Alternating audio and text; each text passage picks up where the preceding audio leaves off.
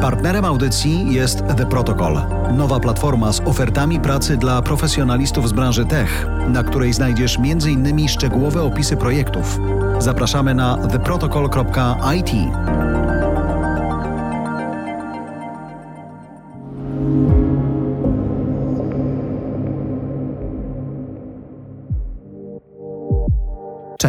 dzień dobry. Ze studia Voice House Jarosław Kuźniar. W najnowszym odcinku podcastu Technologicznie. Jak znaleźć dobrą pracę w technologiach? Co jest dzisiaj decydujące? Kto kogo i czego szuka? Jak zmieniają się cele? Jak zmienia się język? Jak zmienia się rynek? Jak pracownik zmienił się w talent? Jak daleko odjechaliśmy od owocowych czwartków? Jak bardzo konkurencyjny jest to rynek? I jak zatrzymać dobrych ludzi w swoich zespołach? Już za chwilę zderzę swoje emocje z Bartkiem Puckiem, a potem zaprosimy naszego gościa, Mariusz Witkowski, product owner The Protocol.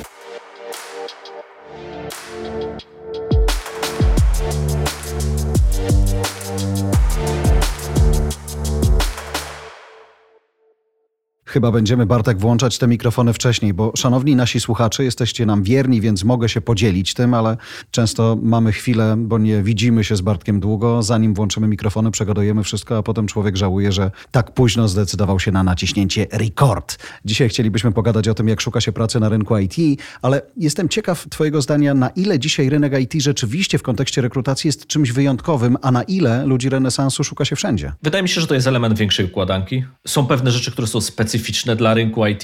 To, co dzisiaj widzimy, dotyczy całego rynku pracy.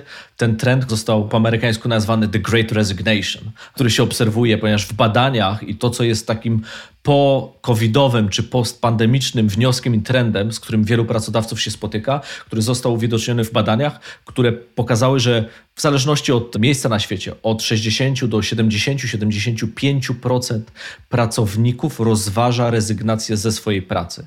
I oczywiście efekty tego, tych ruchów mogą być ogromne dla pracodawców i dla pracowników. I jeżeli pomyślimy o tym w ogóle, dlaczego tak się dzieje, to łatwo by było sobie powiedzieć COVID, kropka, i jakby to jest ten katalizator, który determinuje ten ruch, ale to jest nieprawda. To jest tylko i wyłącznie katalizator tak naprawdę do zmian, które następowały wcześniej, dlatego że przez ostatnie 10 plus lat tak naprawdę widzimy przede wszystkim zmianę w procesach związanych z zaufaniem, czyli coraz mniej ufa się instytucjom, coraz bardziej ufa się osobom indywidualnym.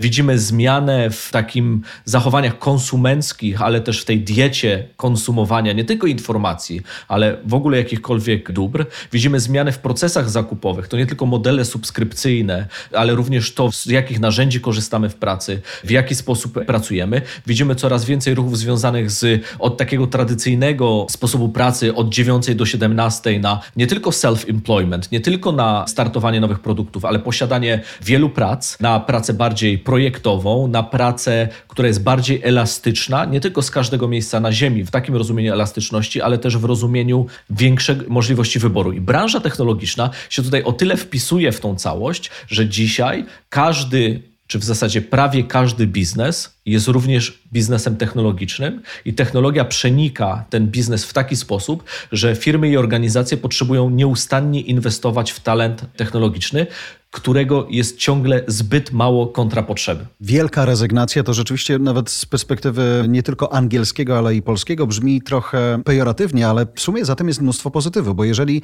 COVID miałby być tym impulsem, tą iskrą, która mówi zobacz, możesz inaczej, zobacz, możesz z kimś innym, zobacz, to zupełnie inne wartości nagle w twoim życiu będą ważne i ostatnie, być może bolesne doświadczenia pandemiczne ci to pokazały, ale, ale pokazały, więc idź w zupełnie nową stronę. Widzę w tym więcej pozytywu pozytywu. Jeżeli chodzi o ten trend, ja absolutnie patrzę na to w pozytywny sposób, czyli więcej osób ma świadomość co do tego, w jaki sposób chciałoby, żeby ich praca wyglądała, w jaki sposób chcą kontrybuować. Nie tylko praca w rozumieniu, gdzie pracuje, i dla kogo pracuje, albo nad czym pracuje, ale też jaka jest wartość z tej pracy w rozumieniu, jaki jest efekt później tej pracy i w jaki sposób praca przenika się z życiem. Prepandemia w bardzo wielu miejscach masowo można powiedzieć, że praca to było coś, co wykonujemy od godziny 9 do 17 dla bardzo wielu osób i później był dom, który był od godziny 17 do rana. Dzisiaj te elementy ze względu na COVID jakby przeplatają się praca z życiem osobistym, dom z pracą i tak dalej i widzimy, że nie ma konieczności już tej pracy od 9 do 17 z jednej strony, ale z drugiej strony pozwoliło to wielu osobom przemyśleć, w jaki sposób ja tak naprawdę chcę pracować, jak chcę, żeby wyglądał mój dzień, z kim chcę pracować i nad czym chcę pracować. I tak jak mówiliśmy trochę, niezależnie od tego, czy to branża IT, czy inna, myślę, że ta wielka rezygnacja też tego dotyczy. Wyprowadził mnie z błędu, jeśli w nim jestem, ale wracając do rynku IT, powiedziałeś słusznie, dzisiaj mnóstwo biznesów, nawet nie tylko technologicznych, opartych jest na technologii. Dlaczego dzisiaj tak wiele jednak uwagi poświęca się temu, żeby dopieścić tego kogoś, kto potrafi kodować, kto potrafi postawić nam stronę, schodząc trochę bardziej na ziemię. Kogoś, kto rozumie, co tu tak naprawdę się dzieje i być może mi w moim pomyśle, marzeniu, biznesie ułatwi to. Więc ja powinienem obchodzić się z nim trochę jak z jajkiem. Z kilku powodów. Przede wszystkim dlatego, że cały czas mamy do czynienia z niedoborem tego talentu technologicznego. To jest jakby numer jeden. Więc to wymusza konkurencję. Konkurencja w tym zakresie jest spora. Konkurowanie wyłącznie poziomem wynagrodzenia jest absolutnie niewystarczającym argumentem. Dlatego, że jeżeli zatrudnisz osobę, która jest determinowana tylko i wyłącznie poziomem wynagrodzenia, to w sektorze technologicznym za miesiąc ktoś przyjdzie i zaoferuje wynagrodzenie 10 czy 20% wyższe i ta osoba będzie zmieniała pracę. A determinantem takim dla procesu decyzyjnego, dla potencjalnego kandydata, dla utalentowanej osoby, wynagrodzenie nie jest bardzo często głównym determinantem tego, gdzie pracujemy, bardziej też to, nad czym chcemy pracować, z kim chcemy pracować. Jeżeli ja pracując w sektorze technologicznym dostaję w zasadzie nie ma tygodnia, abym nie otrzymał oferty pracy. Czasami to są rzeczy bardziej poważne, czasami to są rzeczy mniej poważne, ale 9 na 10 tego typu rozmów absolutnie jest przeze mnie odrzucana.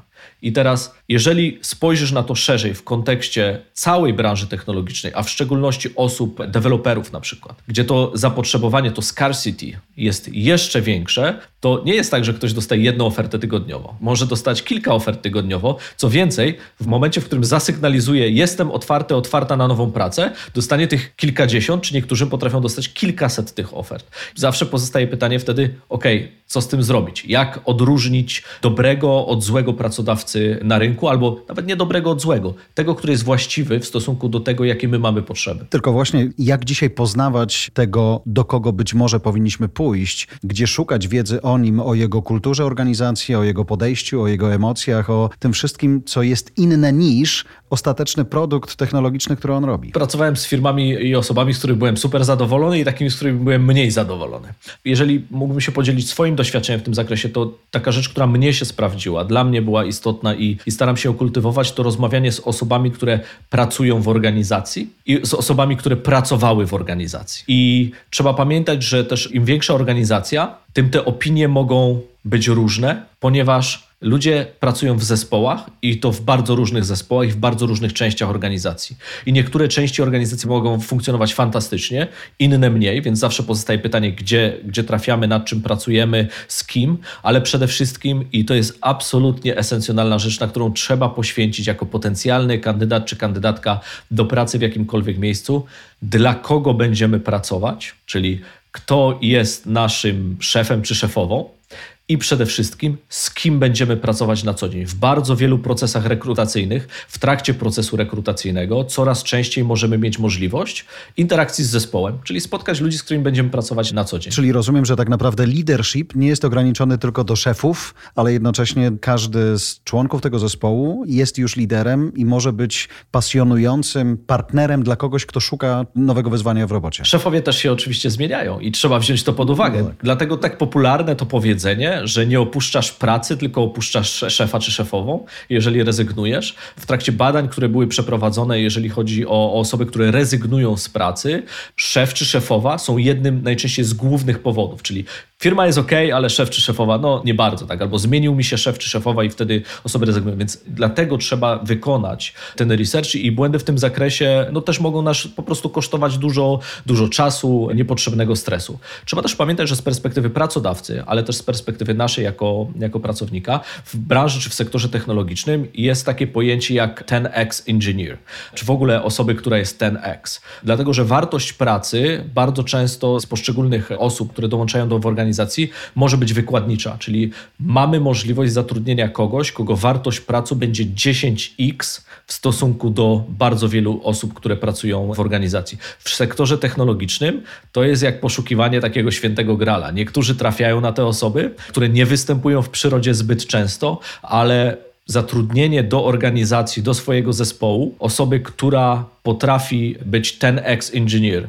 czy ten ex-designer, absolutnie jest bardzo trudne, ale jeżeli się to uda, a czasami się udaje, to wyniki są fantastyczne i praca z takimi osobami jest mega ciekawa, mega inspirująca. Ja dzisiaj jestem na etapie czytania właściwie dwóch różnych książek związanych z osobami, które pracowały i pracują jeszcze w Netflixie. Też w sumie firma technologiczna, chociaż no wiemy, co sprzedaje. Ale ta kultura organizacji opisywana na różnych etapach rzeczywiście jest fascynująca. Nie wiem, czy to jest do przeszczepienia wszędzie, czy wszystko jest do ewentualnego przepróbowania w jakichkolwiek innych organizacjach, ale to, na co zwraca się uwagę, to na ogromną szczerość, ogromne zaufanie i na taką ogromną indywidualizację i właściwie danie każdemu, kto jest w firmie, oczywiście na różnych poziomach inaczej, ale jednak myśl jest taka, że to jest twoja firma. Jakby wszystko to, co robisz, masz tutaj nasze ogromne zaufanie i oni udowadniają, że poprzez to duże zaufanie, które szefowie dają pracownikom, pracownicy nie kręcą, nie oszukują, nie wydają za dużo, są zaangażowani i cenią sobie to, że przychodzą rano i z fajnymi ludźmi coś robią. I zobacz, jaka trudność jest z perspektywy pracownika, żeby znaleźć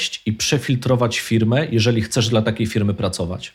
W jaki sposób podejść do procesu rekrutacyjnego, abyś ty jako pracownik wiedział, że będziesz pracował akurat dla takiej firmy, która nie ma tych sloganów tylko i wyłącznie na tablicy w windzie, tylko realnie nimi żyje z perspektywy pracodawcy znowu, jak ważne jest to, aby rekrutować pracowników w oparciu o wartości organizacji, a nie w taki sposób, że te wartości przyciągają ludzi, którzy chcą je po prostu wykorzystać, tak? czyli wykorzystać tą otwartość.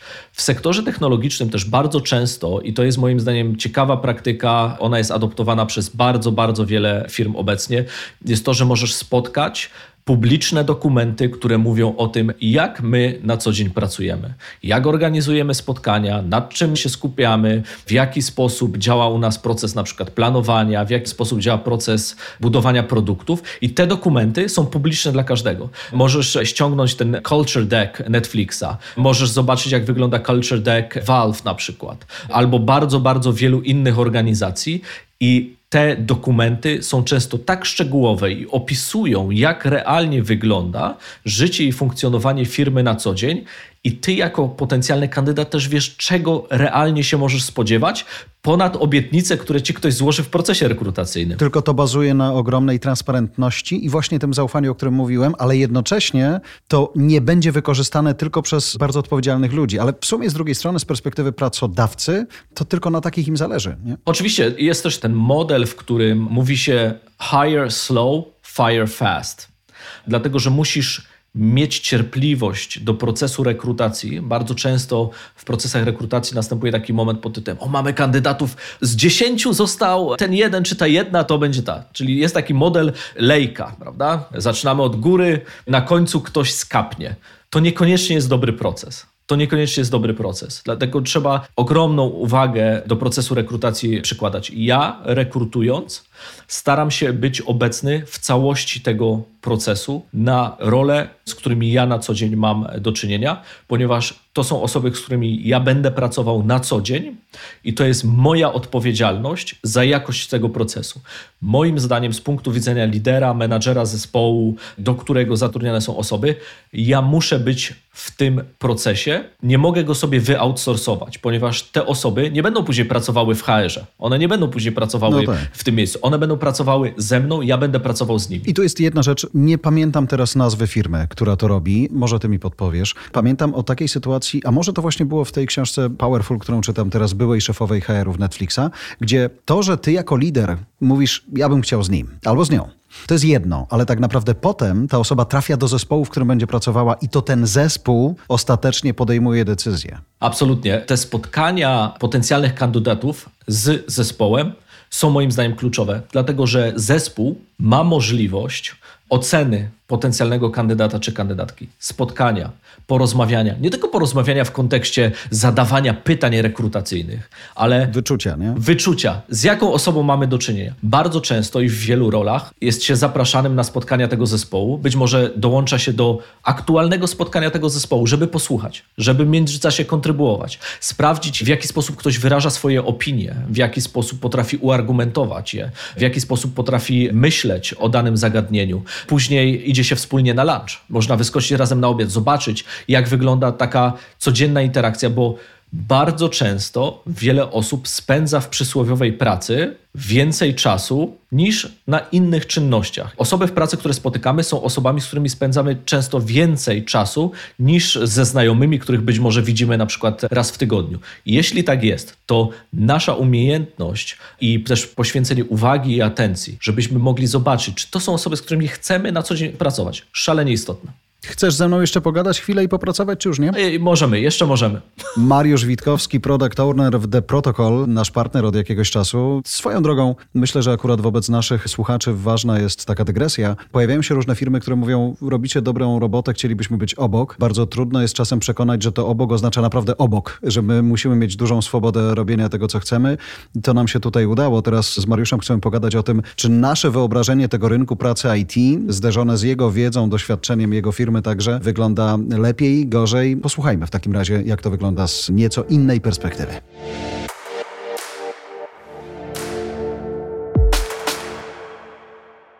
Mariusz, kiedy ty ostatnio szukałeś pracy? Myślę, że z trzy miesiące temu. Czy to jest łatwe dzisiaj? Czy to jest łatwe? Zależy, czego się szuka. Ja akurat szukałem, żeby się zorientować, bo lubię raz na jakiś czas zobaczyć, co się dzieje na rynku, oprócz tego, że robię to w ramach obowiązków zawodowych e, i muszę wiedzieć, jak te oferty wyglądają. To, czego się szuka, no to tak mi się wydaje, że znaczy to, czego ja szukam, to oprócz wiadomych kwestii materialnych, no to są rzeczy związane z miękkimi aspektami pracy w organizacji. Dla mnie osobiście, ale też widzimy to w sumie w badaniach z użytkownikami The Protocol, że coraz ważniejsze są kwestie kultury organizacji, w której się pracuje. Czyli już nie tylko co robimy dokładnie, jeśli chodzi o nie wiem, technikę czy narzędzia, których mm. używamy, ale jak to robimy, z kim, dlaczego, w jakim kontekście, no i jaka atmosfera temu towarzyszy. Kiedy opisujesz stanowisko, można to zrobić dosyć prosto. Kiedy podajesz kwoty, można to zrobić dosyć prosto. Kiedy mówisz o wartościach, czyli o tym miękkim czymś, o czym wspominał Mariusz, no to czasem aż się chce sprawdzić, jak to działa, żeby dopiero podjąć decyzję. Jak wy czujecie? No, ciężko jest pewnie sprawdzić to w momencie przeglądania oferty pracy, aczkolwiek też język, którym napisane są oferty, wydaje mi się, podpowiada często, czy mm. mamy do czynienia z miejscem, które potencjalnie spełnia te nasze wymagania. Tak naprawdę też opis roli i oczekiwania wobec kandydata mogą też to podpowiedzieć, no bo zakładając, że myślimy o talencie jako o takiej osobie, która jest zaangażowana i motywacja jest wewnętrzna głównie, a nie zewnętrzna, jest zaangażowana i chce być zaangażowana w misję i wizję firmy, ma ownership, czyli nie boi się tego, żeby wziąć odpowiedzialność za to, co robi, to jakby da się znaleźć to w ofercie na poziomie języka i na poziomie treści. No i jeśli chodzi o sprawdzenie tego, no to tutaj już pewnie niezbędny jest kontakt osobisty z rekruterem, przedstawicielem firmy. Oczywiście to jest wciąż dość powierzchowne i pewnie dopiero okres próbny w danej organizacji powie nam, czy to de facto jest to miejsce. Czy dobrze przeczytałem, tak? Dobrze wyczułem tak. między słowami. Mhm, myślę, Kiedy tak. to się zmieniło, Bartek? Ten moment, w którym sensu stricto branża IT, czyli bardzo technologiczna, zaczęła doceniać miękkie umiejętności. Ja myślę, że doceniała zawsze, tylko zazwyczaj te, które były najbardziej potrzebne, to były te techniczne i technologiczne umiejętności potrzebne do budowania produktów. I oczywiście tych umiejętności było najmniej na rynku. Patrzysz na ten rynek, widzisz, że tych umiejętności brakuje, więc z perspektywy biznesu bardzo często dochodziło do sytuacji pod tytułem brakuje umiejętności, więc bierzemy te, które są i uczymy się w locie. I tak przez wiele, wiele lat wyglądała w ogóle branża technologiczna, ale oczywiście ze wzrostem każdego biznesu i ze wzrostem też dostępności kandydatów w danych segmentach, aczkolwiek w sektorze technologicznym kandydatów brakuje zawsze, to te umiejętności techniczne były też w cenie z czasem coraz bardziej, również z tego względu, że kiedyś technologia była traktowana jako coś często, co w wielu firmach było robione z boku, coś, co było bardziej IT i infrastrukturą, a nie nieodzowną częścią tego, co budujemy na co dzień. I dzisiaj technologia jest, jak się ładnie mówi, zembedowana, czy też zintegrowana bezpośrednio z biznesem. Technologia jest biznesem, biznes jest technologią, więc dzisiaj te umiejętności miękkie, zrozumienie biznesu, zrozumienie kontekstu pracy z innymi zespołami wewnątrz organizacji jest ważniejsze niż kiedykolwiek. Jeszcze tutaj te umiejętności miękkie, one się przydają w kontekście tego, że zarówno technologie, jak i problemy, z którymi mamy do czynienia, one są coraz bardziej skomplikowane i dynamicznie się zmieniają. Na przykład zdolność do empatyzacji z na przykład użytkownikiem albo z biznesem, dla którego rozwiązania projektujemy, pomaga nam o wiele łatwiej sobie z tymi wyzwaniami poradzić. Dzisiaj, jak popatrzymy, Mariusz, na całą branżę IT, na ludzi, którzy szukają tam pracy, tak naprawdę kim jest dziś taki specjalista IT? Jak bardzo jest to człowiek renesansu, jak bardzo jest to człowiek technologii? Kim są specjaliści IT? No to ciężko jest wrzucić wszystkich do jednego worka i opisać. Bartek ma ulubioną odpowiedź, to zależy. do, dokładnie. I ja na przykład, szczerze mówiąc, zauważam, zauważyłem, pewnie nie jest to nic oryginalnego, ale wydaje mi się, że przez te kilka lat, czy kilkanaście lat, kiedy ten zawód funkcjonuje już na rynku pracy dość powiedzmy powszechnie w miarę możliwości, no to narosło wokół tej grupy sporo mitów przez takie wizerunki typu programista w swetrze, który gra w grę w piwnicy i w zasadzie raz na jakiś czas tylko wyjdzie, żeby zamówić pizzę. Ja wiem, że trochę przejaskrawiam, ale ogólnie taka komunikacja no, cały czas tak to funkcjonuje. Wow. W komunikacji niektórych na przykład organizacji widziałem, że to wciąż funkcjonuje. Oczywiście fajnie się pośmiać z mema i trzeba mieć dystans do siebie, ale na koniec dnia ja coraz częściej też spotykam takie osoby, zarówno wśród moich współpracowników, jak i osób, z którymi rozmawiamy, budując rozwiązania dla kandydatów, że są po prostu świadomi ludzie, którzy są bardzo profesjonalni, mm. wysoki poziom profesjonalizmu prezentują, bo też takiego się od nich oczekuje. Mają coraz to konkretniejsze wymagania dotyczące tego właśnie, w jakim środowisku pracują, z jakich rozwiązań korzystają, jak się z nimi komunikować pomimo tego, że różnorodna grupa, to myślę, że jedna cecha ich łączy, jest dość wymagająca. Już choćby z takiej kwestii, że jest ich mało, ale no jest coraz bardziej świadoma, coraz bardziej interesuje ich też to, w jaki sposób mogą swoje zarobki spożytkować, no bo zarabiają niemało, więc mogą korzystać z ciekawych rozwiązań. Coraz bardziej wyrafinowane usługi są im oferowane i tak naprawdę coraz mniej tam miejsca na taką niesprecyzowaną rozmowę. No jakby zależy im coraz częściej na konkrecie, na tym, żebyśmy wiedzieli, po co z nimi rozmawiamy, co chcemy im powiedzieć, jakie fakty za tym stoją, czyli na przykład w kontekście ofert pracy to już te legendarne owocowe piątki, które chyba już wyśmiano na wszelkie możliwe sposoby. Tak, one, one wciąż się zdarzają, ale myślę, że najwyższy czas to porzucić, bo jeśli chcemy przyciągnąć prawdziwe talenty, no to już nie wystarczy powiedzieć, że mamy młody, dynamiczny zespół i realizujemy bardzo fajne projekty, tylko, tylko raczej trzeba przejść do konkretu. To za chwilę wrócę do tego, bo kilka pytań mi się ciśnie, tylko myślę sobie, Bartek, ty jesteś osobą, która działa w skrajnie globalnym środowisku. Na ile dzisiaj rzeczywiście, nie wiem, różnica czasu, różnica kulturowa, różnica koloru skóry, wszystkiego, też w tym świecie IT jest doceniana przez tych, którzy szukają pracy?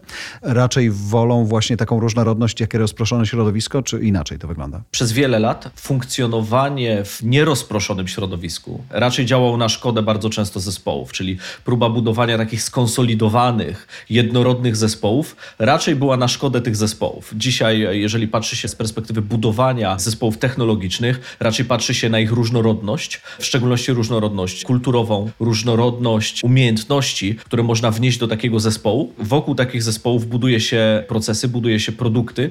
Oczywiście to nie jest bez wyzwań, ale to zazwyczaj wpływa na umiejętność budowania naprawdę fantastycznych rzeczy. I dzisiaj geografia czy różnice czasowe nie są przeszkodą. W zasadzie dzisiaj można powiedzieć, że technologia pokonała tego typu problemy.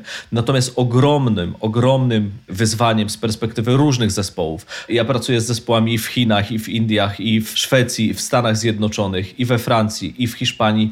I to, co jest dzisiaj, moim zdaniem, jednym z takich naprawdę najtrudniejszych wyzwań tych zespołów, to w jaki sposób budować zespoły, które bardzo dobrze rozumieją potrzeby klientów, bardzo dobrze rozumieją technologię i bardzo dobrze rozumieją zespoły, które są poza tym naszym, który tworzymy z innymi osobami, czyli ta umiejętność kooperacji z innymi w organizacji, w szczególności w organizacji rozproszonej, pracującej w tych różnych strefach czasowych, ale też organizacji, która się składa z szeregu zespołów, ponieważ bardzo często dzisiaj w branży technologicznej, czy w ogóle w organizacjach mamy do czynienia z odejściem od tradycyjnych struktur drabinkowych w organizacjach na rzecz struktur rozproszonych. I umiejętność odnalezienia siebie w zespole i umiejętność odnalezienia się jako zespół wewnątrz organizacji, tworzenia rzeczy rzeczy. To są takie umiejętności, których jasne, możesz być świetnym deweloperem czy posługiwaniu się danym językiem programowania, ale nie funkcjonujesz w próżni, tak? Nie funkcjonujesz jako jednoosobowa instytucja, funkcjonujesz jako część większego zespołu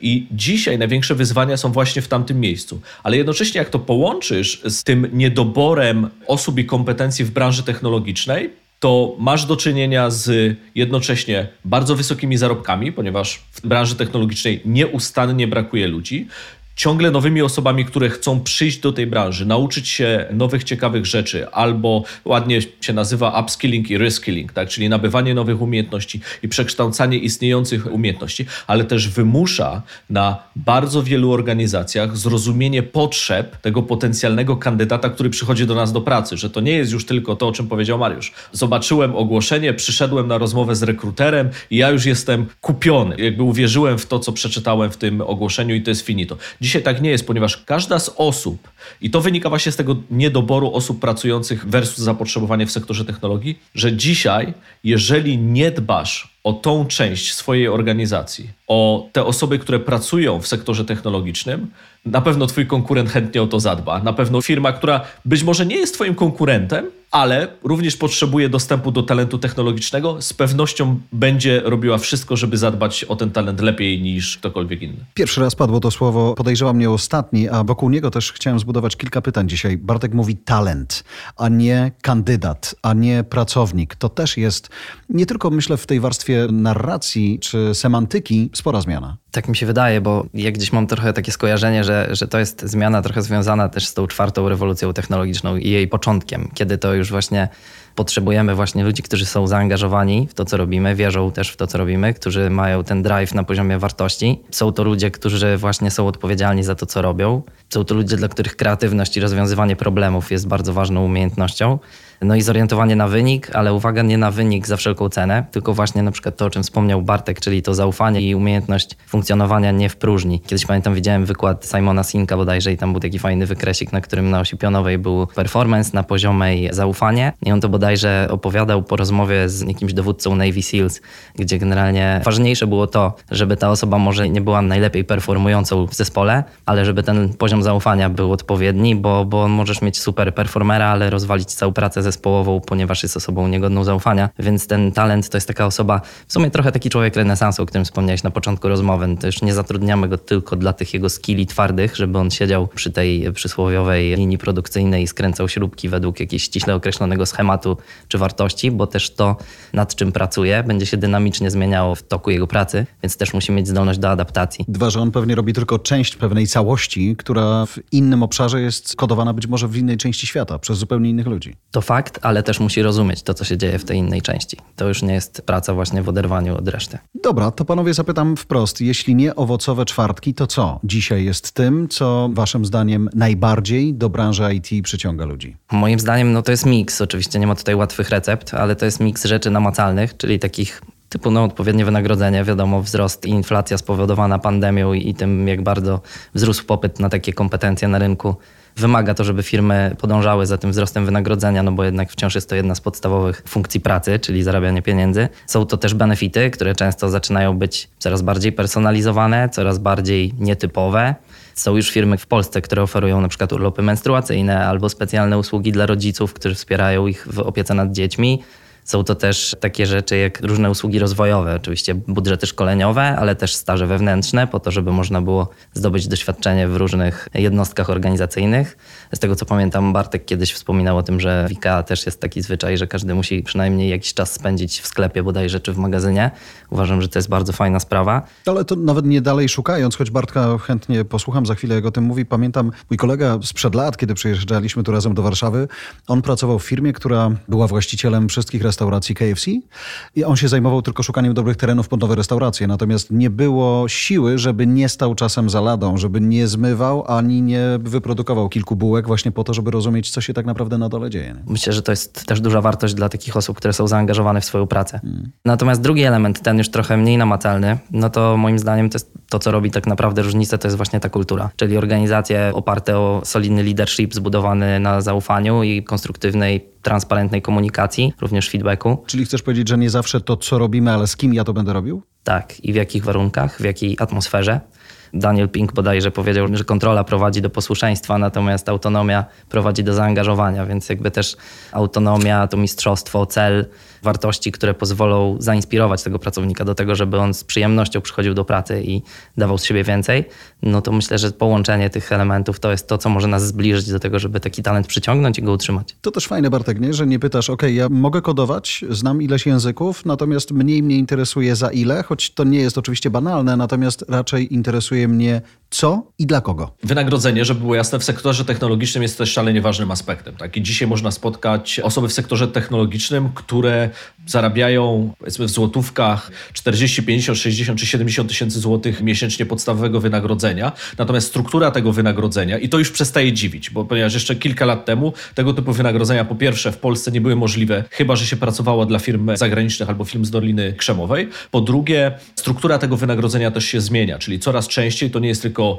jakiś rodzaj podstawy, a później jakaś premia czy jakiegoś rodzaju benefity, ale ta struktura jest zazwyczaj trzyczęściowa. Jest to podstawa wynagrodzenia, jest to premia za wyniki i są to również udziały, opcje na udziały lub inna forma, która jest ekwiwalentem tego typu rozwiązania. Wynagrodzenie to jest nie wszystko. To, o czym mówiliście przed chwilą, ta część związana z dopasowaniem do DNA i kultury organizacji jest moim zdaniem kluczowa, ponieważ to jest najważniejszy aspekt, który będzie prowadził do możliwości zostania przez osoby dłużej w organizacji, czyli realnego zaangażowania się na dłuższy czas w firmie. Ten wspomniany przykład IKEA, akurat u nas w organizacji wygląda to w taki sposób, że niezależnie od tego, czy jesteśmy CEO firmy, czy pracujemy gdziekolwiek na świecie, na 100% w każdym roku spędzimy minimum kilka, a zazwyczaj jest to dużo więcej dni pracując w sklepie albo w magazynie, pracując w restauracji, wydając jedzenie, porządkując rzeczy, sprzedając na kasie. I niezależnie od roli w organizacji, jeżeli byłbyś z tym nie ok, typu mógłbyś powiedzieć, jestem wiem, globalnym dyrektorem, ja nie będę tego robił, absolutnie jest to dyskwalifikująca cecha. Dlatego dopasowanie do DNA i do wartości organizacji jest bardzo ważne. I mnie będziesz mógł spotkać, czy mogłeś mnie spotkać w przysłowiowych Jankach, Targówku, czy gdziekolwiek indziej na świecie, robiąc rzeczy, podobnie jak każdego innego w organizacji. I jest to bardzo ważne z tego punktu widzenia, że oczywiście ty jako pracownik, jako potencjalny kandydat w miejscu, w którym chcesz pracować, zawsze możesz zmienić pracę. Zawsze, w szczególności w sektorze technologicznym, jest szansa na to, że ktoś w następnej pracy zapłaci ci więcej, da ci po prostu większą pensję. Ale czy twoja następna praca będzie lepszym środowiskiem do pracy, czy rzeczy, nad którymi pracujesz, będą ciekawsze, bardziej ambitne, bardziej wartościowe, czy zespół, z którym pracujesz, będzie lepszy od zespołu, z którym pracujesz dzisiaj? Czy masz możliwość uczenia się, czy masz możliwość wpływu, realnego wpływu na to, co chcesz budować i czy czerpiesz z tego satysfakcję? Odpowiedź nie jest zawsze po prostu kolejna praca, większe wynagrodzenie. Ale to też ważne, o czym powiedzieliście teraz i z tego wyprowadzę kolejne pytanie. Mówimy o kandydatach, którzy dzisiaj na inne rzeczy zwracają uwagę. Kandydatach z branży IT, którzy szukają być może nowej roboty, zwracają uwagę na coś innego. Ale teraz, jeśli oni zwracają uwagę na coś innego, na inne aspekty, także te miękkie, no to zakładam, że ci, którzy tą pracę dają, też muszą inaczej się komunikować. My dzisiaj rozmawiamy sobie przy okazji The Protocol, które pochodzi też z dużej organizacji, która daje nieograniczone możliwości znalezienia pracy w różnych obszarach. The Protocol musiał też wyglądać inaczej, żeby przyciągać zupełnie innych ludzi. Jeśli chodzi w ogóle o pozyskiwanie talentów jako proces, to to jest długotrwały proces, który coraz bardziej przypomina takie procesy biznesowe w organizacji. Coraz więcej analogii dostrzegam z marketingiem. No, po pierwsze musimy mieć strategię, czyli do kogo chcemy dotrzeć, co chcemy im powiedzieć i jakie fakty za tym stoją.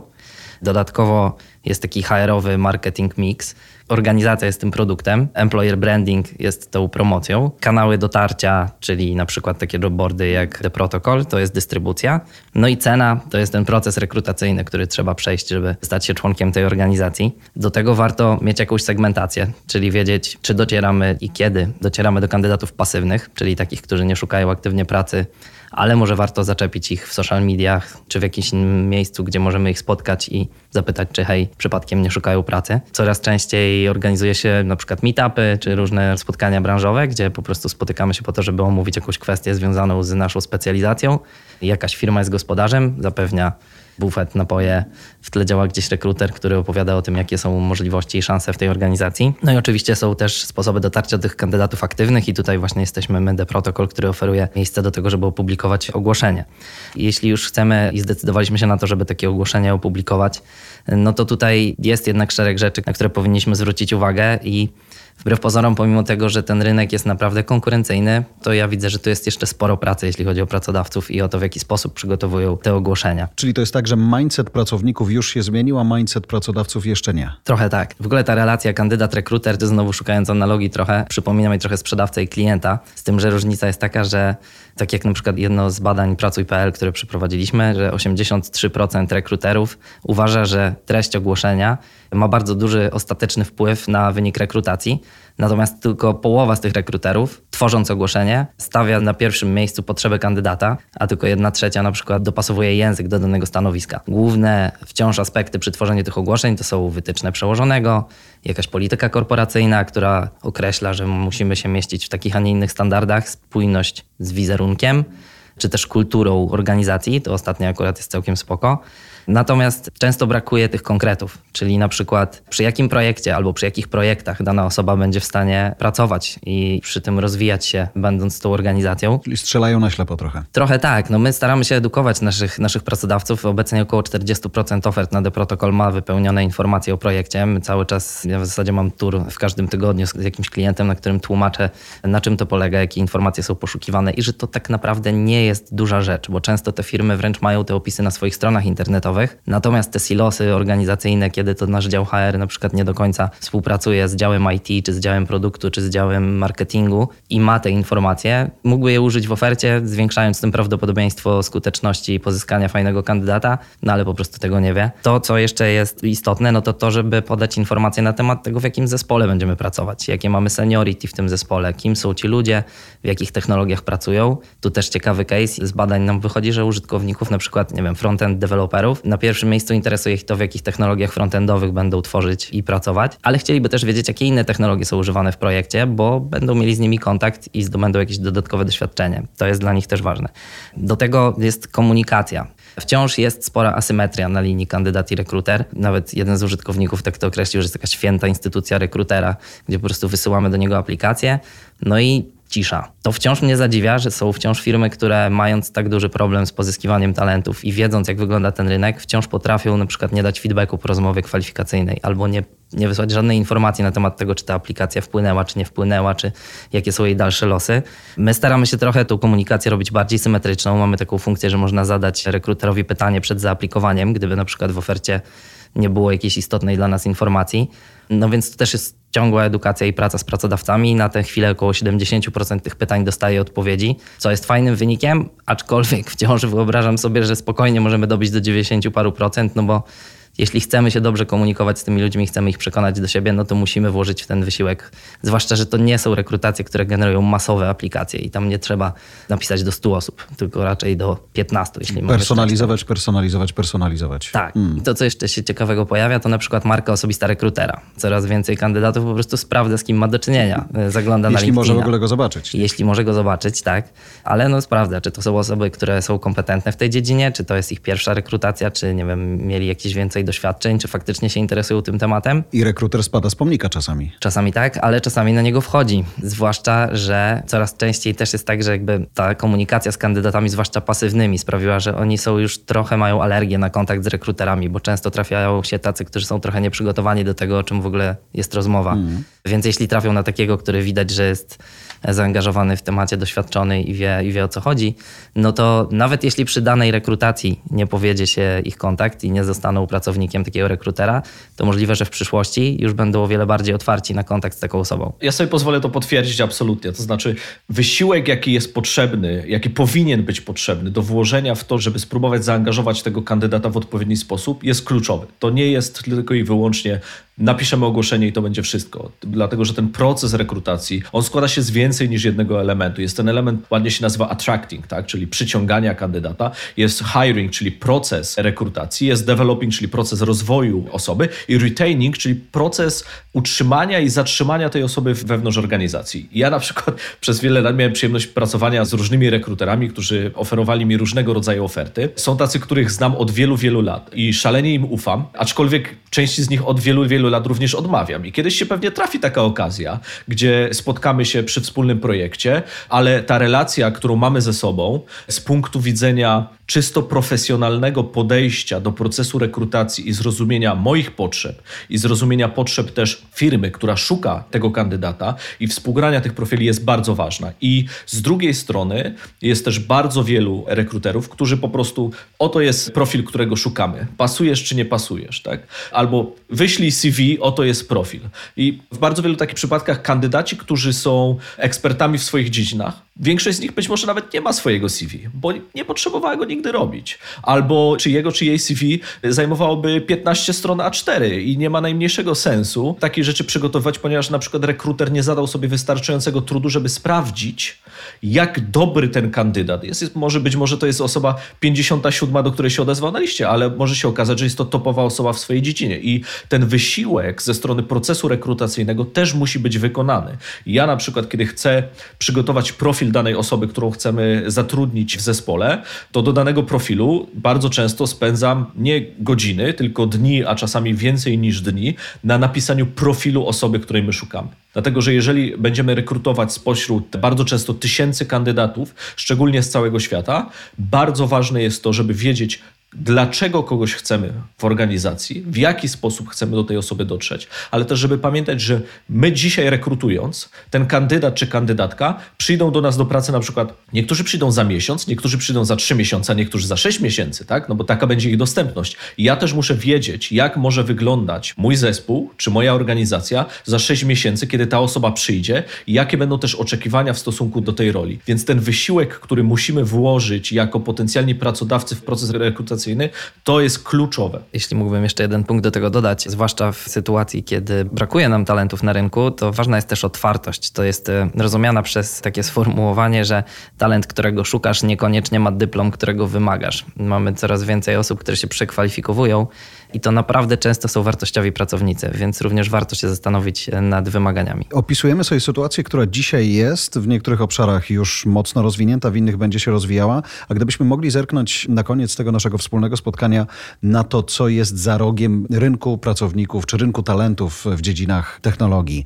Co nowego jeszcze może się zdarzyć? Jakie nowe kompetencje mogą być potrzebne? Co tak naprawdę w trendach jest już widoczne? Teraz jakby przechodzimy taką fazę postpandemiczną okrzepnięcia i tego, że firmy zaczynają trochę rewidować swoje stanowiska dotyczące pracy zdalnej i pracy hybrydowej, więc coraz silniej akcentowana jest ta praca hybrydowa, która pozwala jednak trochę łatwiej firmom tę kulturę organizacji budować. Chcę wierzyć, że to nie zawsze chodzi o kontrolę. Drugi trend, myślę, bardzo silny, który też z ciekawością obserwuję również dzięki Bartkowi, no to jest Web3 i to w jaki sposób to przeora cały internet i również branżę internetową. Mignął mi taki news, że według Collinsa to jest już słowo roku NFT, w sensie jest słowem roku według Collinsa. Coraz więcej pojęć tego świata Web3 przechodzi pod strzechę, no i to na pewno będzie miało wpływ na rekrutację i to w jaki sposób w ogóle ta rekrutacja wygląda, jak będziemy pracować, co się też łączy z takim trzecim, wydaje mi się, silnym trendem, czyli freelance i szeroko rozumiane gig economy, gdzie po prostu coraz więcej osób może te swoje kompetencje dzielić pomiędzy różnych pracodawców,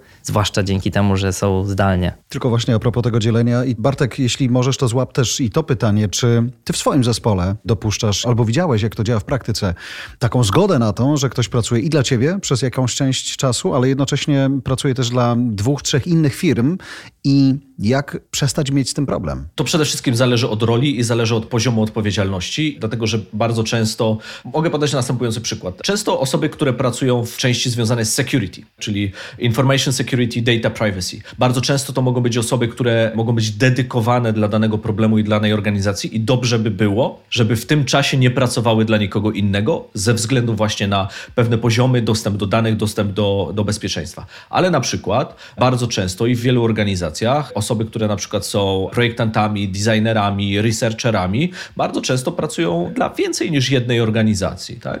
W wielu firmach jest to z benefitem dla pracodawcy, dlatego że ekspozycja na inne procesy, na inne metody, na innego rodzaju pracę też może być z benefitem dla tego pracownika. I dzisiaj widzimy to najczęściej w takich mikrozadaniach, czyli głównie to są freelancerzy, ale w przyszłości nasze zaangażowanie jako potencjalnego pracownika będą mogły być być więcej niż jeden duży projekt jednocześnie dla jednego pracodawcy. Oczywiście to dla pracodawców na koniec dnia będzie problem mentalny najpierw, natomiast esencjonalne jest dojście do zgody do tego, co jest efektem pracy. Bo dzisiaj efektem pracy w wielu firmach, albo inaczej, walutą, przez którą mierzy się efekt pracy, jest to, czy ktoś spędził wystarczająco dużo zauważalnego czasu pomiędzy godziną 9 a 17 w pracy.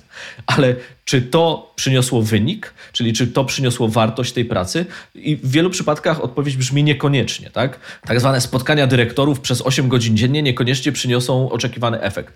Versus umówienie się, co powinno być efektem pracy i to do pracownika czy do zespołu należy generalnie rzecz biorąc realizacja tego. I czy ktoś to zrobi w godzinę 5 czy 15, jeżeli się umówiliśmy na dany efekt pracy, to niezależnie od tego, czy ktoś po drodze zrobił 15 innych rzeczy, czy 14 innych rzeczy, jeżeli ten efekt został osiągnięty i to, co się ładnie w tym Web3 nazywa proof of work, czyli dowód wykonanej pracy i osiągniętego efektu zostanie wykonany, nie ma problemu. Dla mnie jeszcze ten freelance ma jedną, jedną ciekawą perspektywę, bo jesteśmy teraz na rynku w takiej sytuacji trochę kwadratury koła, kiedy brakuje nam kompetencji, a z drugiej strony firmy dość niechętnie zatrudniają juniorów. Wydaje mi się, że też taka właśnie ekonomia freelansu to jest dobry sposób dla takich osób właśnie na zdobycie doświadczenia, realizując różne projekty dla mniejszych firm, no bo teraz tak naprawdę prowadząc nowoczesny biznes, to w zasadzie w każdej branży potrzebne są te kompetencje. To prawda, ale też słyszę i widzę po coraz większej liczbie firm, że tworzą własne akademie. To znaczy wiedząc, że nie mogą znaleźć albo wiedząc, jakie to mogą być problemy, oni jakby, to nie zawsze są akademie dla juniorów, ale mają swoje szkoły wyższe, w których po prostu uczą tego, jak chcieliby, żeby ludzie, którzy u nich są, pracowali. To fajne, szczerze mówiąc. No, nie Tam wiedziałem, też że jest to miejsce na, na, na te wartości, skalę. nie? Bo jeżeli już jest, jesteś w mojej szkole, jesteś w mojej firmie, która robi szkołę w jakimś sensie, to żyjesz tymi wartościami, które są, nie? Bartek? Bardzo ciekawym przykładem na to i chyba najlepszym na świecie jest Uniwersytet Apple. Apple posiada swój uniwersytet, na którym kształci osoby, które pracują wewnątrz organizacji. Wykładowcami tam są nie tylko inni pracownicy wewnątrz organizacji, ale są to topowi naukowcy z całego świata. Można tam spotkać ludzi, którzy na co dzień wykładali albo wykładają na Stanfordzie czy na Harvardzie i mieć do nich dostęp w ramach uczestniczenia w pracy. I uważam, że ten efekt związany z kształceniem wewnątrz organizacji to nie jest tylko kwestia budowania przewagi konkurencyjnej, ale to jest kwestia inwestowania w osoby, z którymi na co dzień pracujemy. Dlatego, że dzisiaj dla bardzo wielu osób jedyną możliwością rozwoju jest po prostu zmiana pracy. Ale jeżeli patrzymy na to z perspektywy bycia pracodawcą i w ogóle liderem czy liderką jakiegokolwiek zespołu, zapewnienie możliwości rozwoju przez osoby, z którymi na co dzień pracujemy, okej, może się zdarzyć, że to będzie jednak rozwój poza tą organizacją, w innym kierunku, ale zapewnienie i próba zapewnienia możliwości rozwoju wewnątrz organizacji to jest zadanie każdego lidera i liderki w zespole. Patrzę na swój zespół, pytam, rozmawiam, w którym kierunku chcą się rozwijać i dlaczego. To jest bardzo, bardzo ważne, jeżeli chcemy, żeby ten talent, który rekrutujemy na rynku, został z nami na dłużej. Bardzo dziękuję Wam za spotkanie, za rozmowę. Mariusz Witkowski tu w Warszawie, Bartek w Szwecji. Uważaj na siebie i do zobaczenia. Dziękujemy za Twoją uwagę. Jeżeli jeszcze nie subskrybujesz naszej audycji, zrób to na Apple Podcast czy Spotify. Dzięki temu nie przegapisz najnowszego odcinka i pomożesz nam wspinać się na listach podcastowych przebojów. Twoja opinia zostawiona na Apple Podcast pozwala usłyszeć tę audycję większej grupie ludzi. Podobnie ze Spotify. Odpowiedz na pytanie, które tam stawiamy i zachęć do tego innych. Fajnie, kiedy polecisz naszą audycję znajomym. Podaj im link, niech dołączą. Zasubskrybuj także inne podcasty od Voice House. Znajdziesz je na każdej platformie podcastowej, w każdym kanale social mediowym. Zapraszam też na stronę Voice House po więcej dobrej treści.